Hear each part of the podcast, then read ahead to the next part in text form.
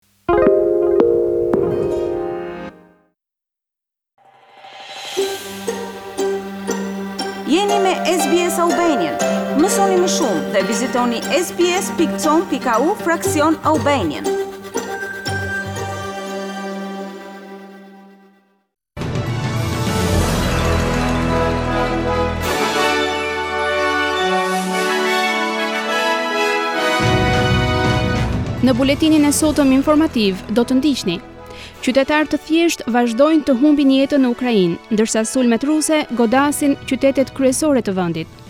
Organizata Botërore e Shëndetësisë shprehet se Covid nëntëmbëdhjetë po vret deri në shtatëdhjetë mijë njerëz për çdo javë dhe fundi i pandemisë është ende larg. Dhe në sport, Collingwood shënon një fitore me shtatëmbëdhjetë pikë ndaj skuadrës së St Kildës.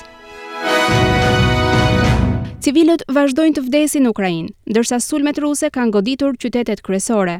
Lufta ka lëvizur drejt perëndimit me një sulm ajror pranë qytetit të Lviv, i cili goditi një strukturë të mirëmbajtjes së avionëve. Konflikti ka mbërritur edhe në qendër të Mariupolit, ku njëqind e tridhjetë persona raportohet se janë shpëtuar nga bodrumet e një teatri të bombarduar.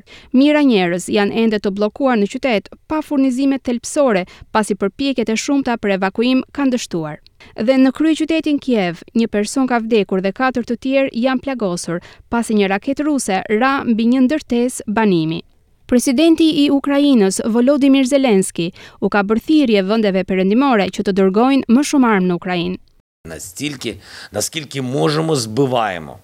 We are shooting down Russian missiles as much as we can, we're destroying their planes and helicopters and this is despite the fact that we do not yet have adequate anti-missile weapons. Po përpiqemi të rrëzojmë sa më shumë raketa ruse që mundemi. Po u shkatërrojmë aeroplanët dhe helikopterët, pavarësisht se nuk kishim ende armët e duhura kundër raketave dhe armëve të avancuara.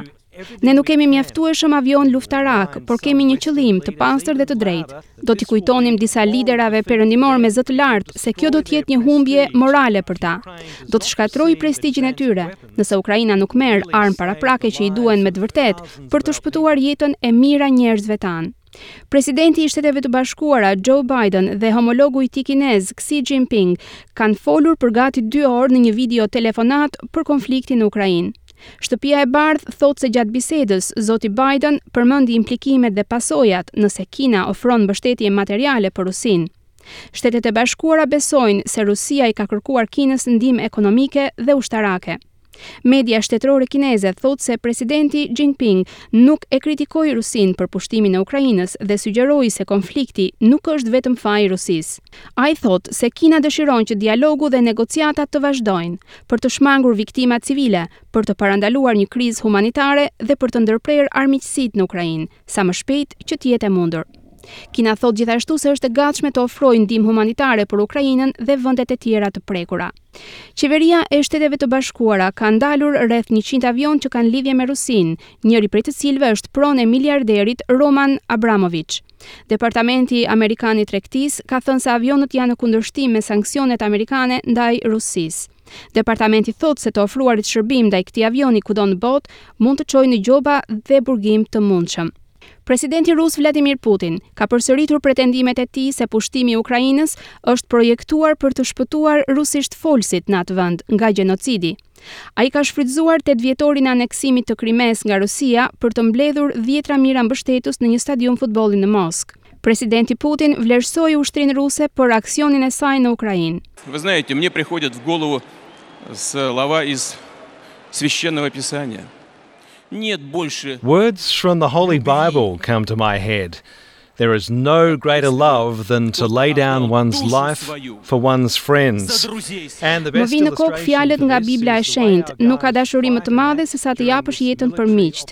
Dhe ilustrimi më i mirë për këtë është mënyra se si djemtë tanë luftojnë dhe veprojnë gjatë këtij operacioni ushtarak, sup më sup. Ata ndihmojnë dhe mbështesin njëri-tjetrin, dhe nëse duhet, mund ta marrin dhe një plumb për njëri-tjetrin në fushën e betejës, është shprehur Putin. Presidenti Putin tha në tubim se aksioni në Ukrainë është i nevojshëm pasi Shtetet e Bashkuara po përdorin Ukrainën për të kërcënuar Rusinë dhe Rusia duhet të mbrojë kundër gjenocidit të njerëzve rusishtfolës nga Ukraina. Ukraina thotë se po lufton për ekzistencën e saj dhe pretendimet e presidentit Putin për gjenocid janë absurde.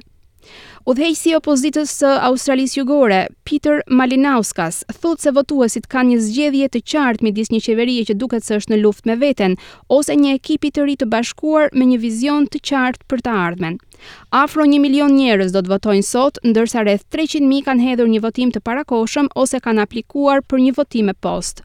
Sondazhet e opinionit e vendosin partinë e tij laburiste përpara, por Malinauskas thotë se ka të ngjarë të jetë një rezultat i ngushtë. This election is going to be close and I think it's always unwise for politicians to try and presume results or Këto zgjedhje do të jenë kompetitive dhe mendoj se është gjithmonë e pamatur që politikanët të përpiqen të supozojnë ose të parashikojnë rezultatet.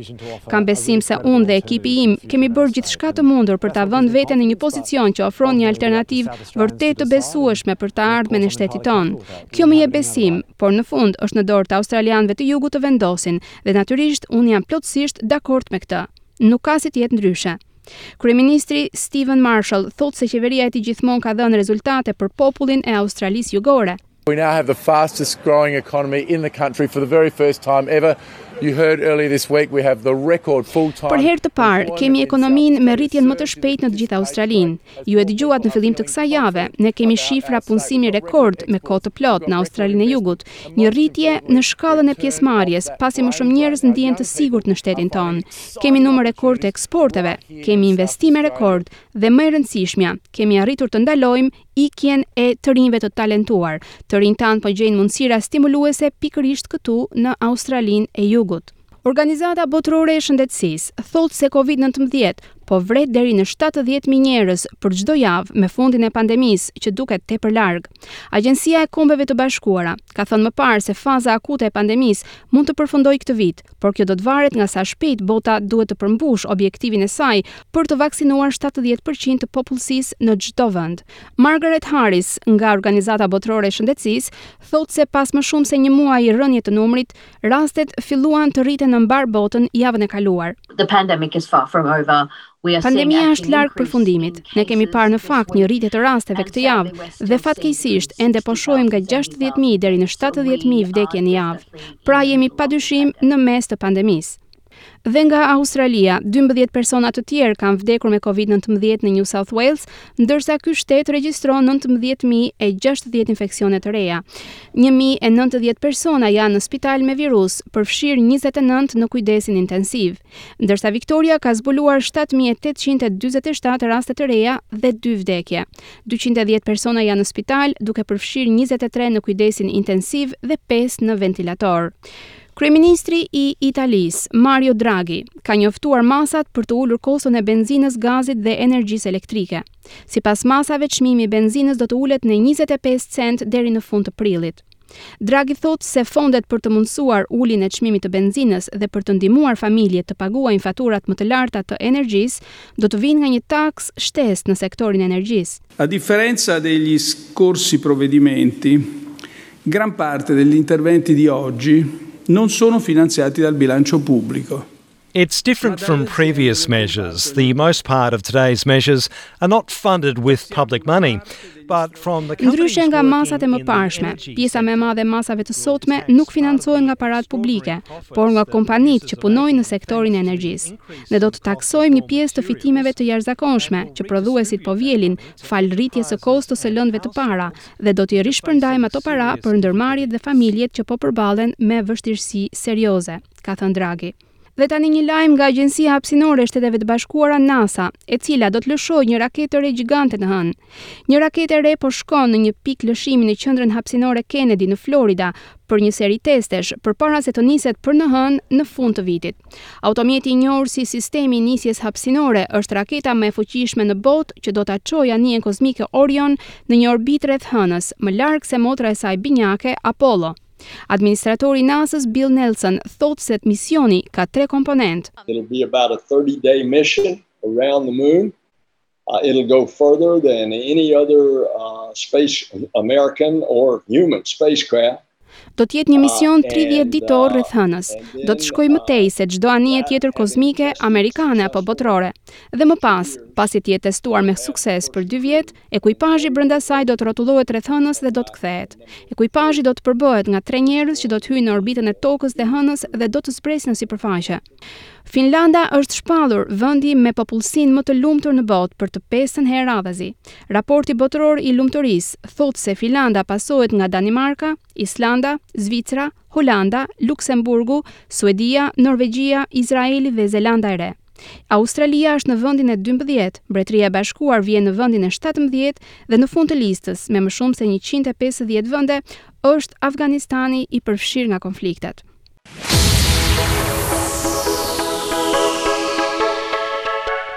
Dhe kalojmë në të rejat nga sporti. Collingwood ka siguruar një fitore me 17 pikë ndaj St Kildës në raundin hapës të futbollit australian AFL. Trajneri i Pies, Craig McRae, ka lavdëruar dyshen babë e bir, Nick Daicos, djal i Peter Daicos, i cili luajti për herë të parë në AFL. Nick's an elite um, decision maker and kick, and it's just nice to do that in an AFL game. And like, you can Nick është një sportist vendimmarrës dhe sulmues elitar, dhe të dyja këto cilësi janë të vyera në një lojë të futbollit australian. Nuk është e lehtë të luash kaq mirë përpara turmave të spektatorëve dhe me skuadrën opozitare përpara që përpiqet t'ju marrë krahun.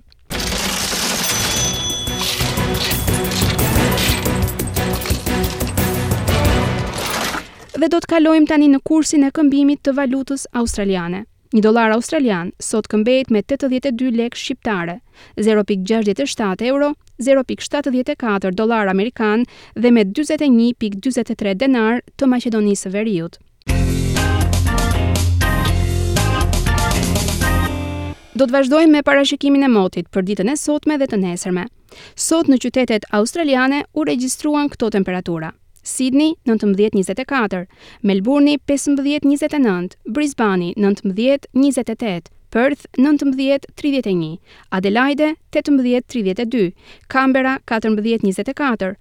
Hobart nëntë njëzet e dy, Darwin njëzet e pesë tridhjetë e katër gradë Celsius.